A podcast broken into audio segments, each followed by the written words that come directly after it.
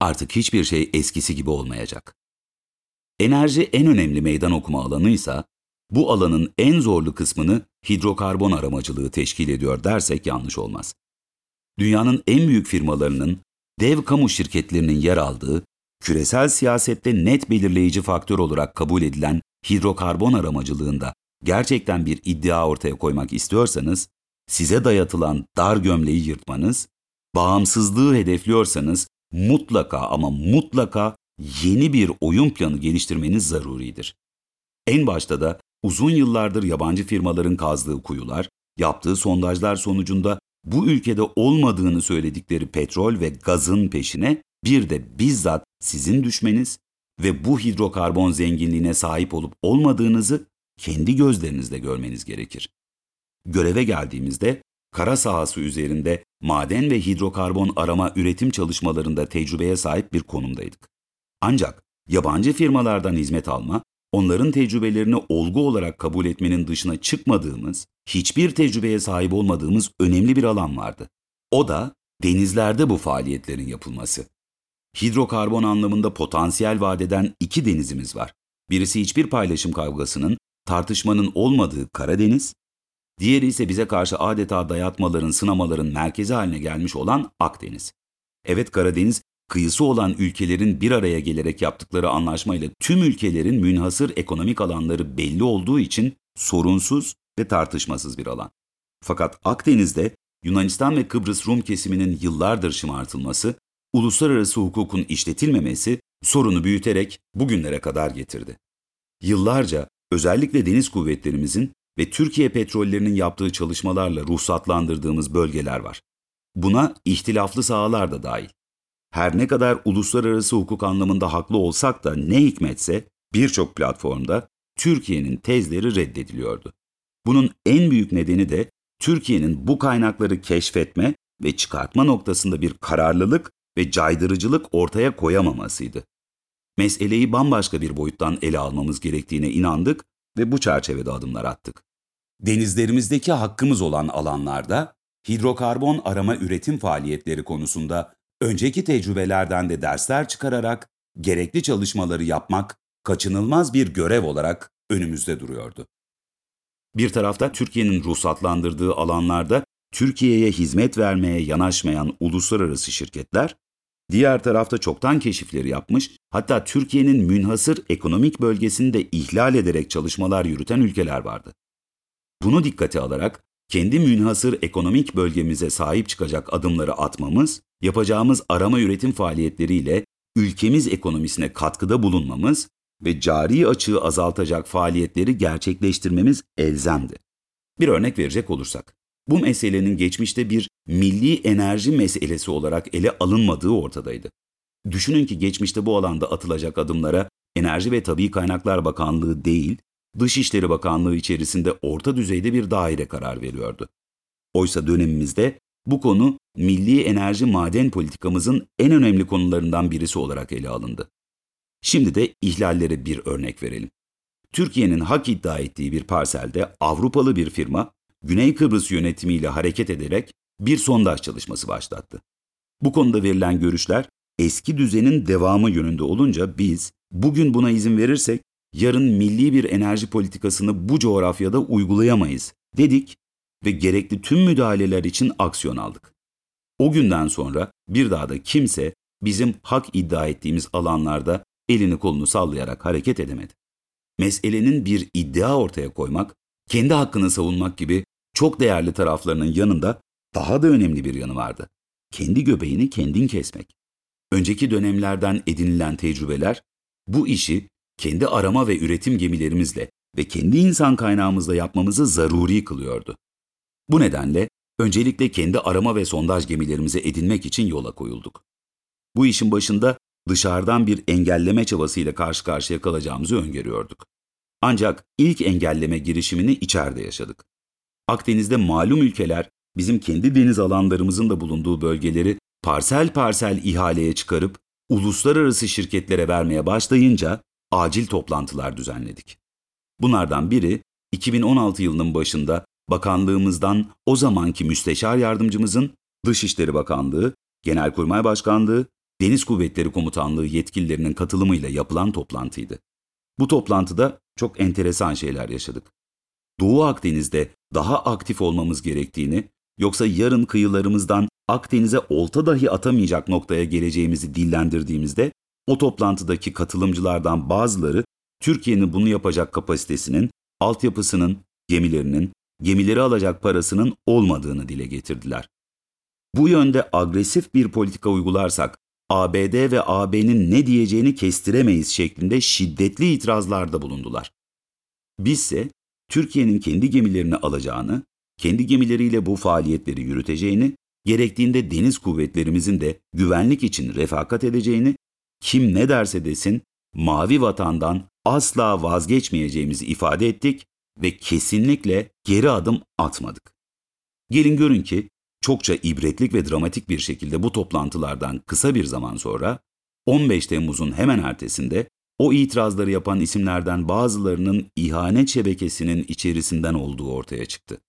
Bu olay vesilesiyle Doğu Akdeniz meselesinin özellikle bürokrasi nezdinde bilinçli olarak neden dar bir ekiple yıllardır bu şekilde yönetile geldiğini anlamış olduk. Gemilerin alınmasının ne kadar gerekli olduğunu biliyorduk. Ancak bu gerçeği başkaları da biliyordu. Ekip arkadaşlarımız planlama sürecinde ülkeyi böyle saçma masraflara sokamazsınız ve sonunda yargılanırsınız diye bürokrasi tarafından tehdit dahi edildi ama bunların hiçbiri bizim kararlılığımızı engelleyemezdi. Engelleyemedi de.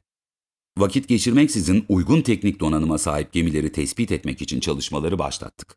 Önceki dönemlerdeki fiyatlara göre döviz bazında yarı fiyatına hatta üçte bir fiyatına uygun gemileri ekibimizin sıkı ve hızlı çalışmasıyla tespit etme imkanımız oldu. Yine hızlı bir şekilde bu gemilerden birini ülkemize kazandırmak için görüşmeleri başlattık. En düşük maliyetle gemileri almayı istiyorduk. Bu doğrultuda doğru bir strateji ve müzakere yürütmek için ekibimizle çalışmalara başladık. Petrol fiyatlarının düşük olduğu dönemde açık denizde arama üretim yapacak gemilerin fiyatlarının düşmüş olması da bize bu gemileri düşük maliyetle satın almamız için bir fırsat sunuyordu. İlk belirlediğimiz gemimizin sıfır fiyatı 800 milyon 1 milyar dolar arasında değişiyordu.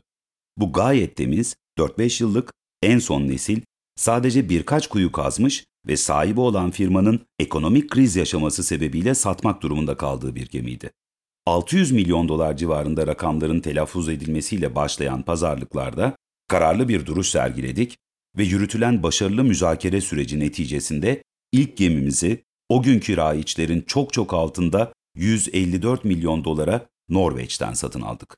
Hatta finansman işlemlerini de hallederek bu ödemeyi 12, 4 artı 8 yıllık bir vadeye yaydık. Bir deniz sondajı fiyatının yaklaşık 200 milyon dolar olduğu uluslararası piyasalarda gemimizi bir kuyu maliyetinin bile altında almak gerçekten büyük bir başarıydı. Elbette bu bir ekip çalışmasının neticesiydi.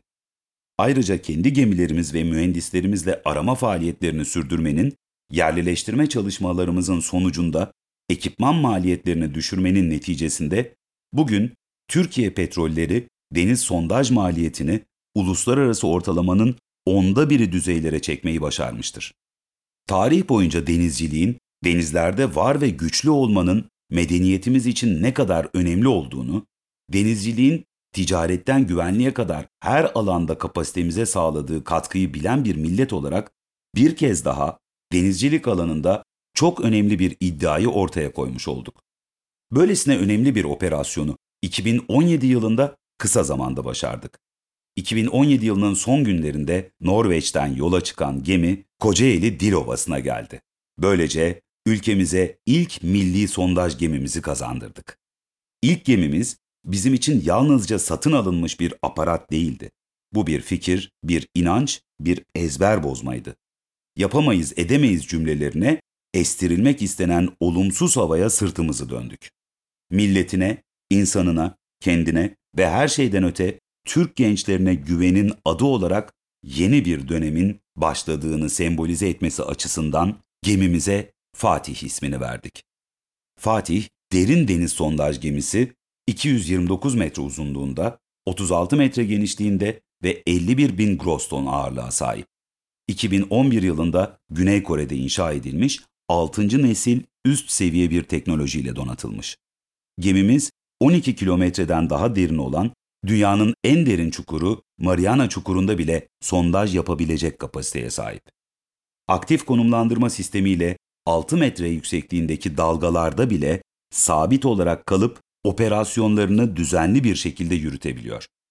Satın alma sonrasında gemimizin en kısa zamanda ülkemize getirilmesi ve arama üretim faaliyetlerine başlamaya hazırlanması için gerekli çalışmaları tamamladık. İstanbul Boğazı'ndan geçip Karadeniz'de belirlediğimiz sahaya ulaşabilmesi için demontaj ve montaj çalışmalarını yine kendi ekiplerimizle başarıyla yürüttük. Gerçekten de yüksekliği Boğaz köprülerinin denizden yüksekliğinden fazla olan gemimizin demontajının kısa bir zamanda tamamlanabilmiş olması önemli bir operasyonel kararlılık ve başarıyla halledilmiş oldu. Milli enerji ve maden politikası kapsamında hedef olarak koyduğumuz denizlerdeki arama ve sondaj faaliyetleri hedefimize ulaşmak için 2018 yılında ikinci gemimiz olan Yavuz gemisini ülkemize kazandırdık. Fatih gemisi gibi 6. nesil ileri teknolojiye sahip olan Yavuz gemisi 230 metre uzunluğunda ve 36 metre genişliğinde. Oluşturduğumuz politikalar kapsamında 2020 yılında filoya katılan 3. gemi kanuni sondaj gemisi oldu. Bu gemimiz 227 metre uzunluğunda, 42 metre genişliğinde. Sismik ve sondaj gemilerimizle ortaya koyduğumuz bu irade sadece hidrokarbon aramacılığında bir iddia üretmek değildi. Başlattığımız hamlelerle Mavi Vatan söylemi ete kemiğe büründü. Fatih gemimizin Temmuz 2020'de Tuna bir kuyusunda başladığı sondaj çalışmaları bir ay sonra meyvesini verdi. 21 Ağustos 2020 Cuma günü 320 milyar metreküp doğalgaz keşfi yapıldığı müjdesini vatandaşlarımızla paylaştık.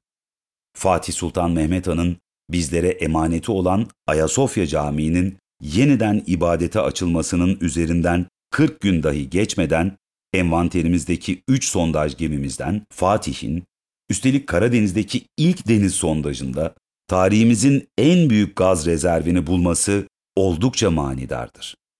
Ekim ayında ise bu keşfe 85 milyar metreküp daha eklendi ve tespit edilen toplam rezerv 405 milyar metreküp seviyesine çıktı. Bu ilk keşifler bize gösterdi ki artık hiçbir şey eskisi gibi olmayacak. Yeni keşiflerin, yeni müjdelerin çok yakın olduğundan emindik. Çok şükür öyle de oldu. Çok daha büyük keşiflerin habercisi olan yeni bir doğal gaz keşfi Sakarya gaz sahasında gerçekleşti.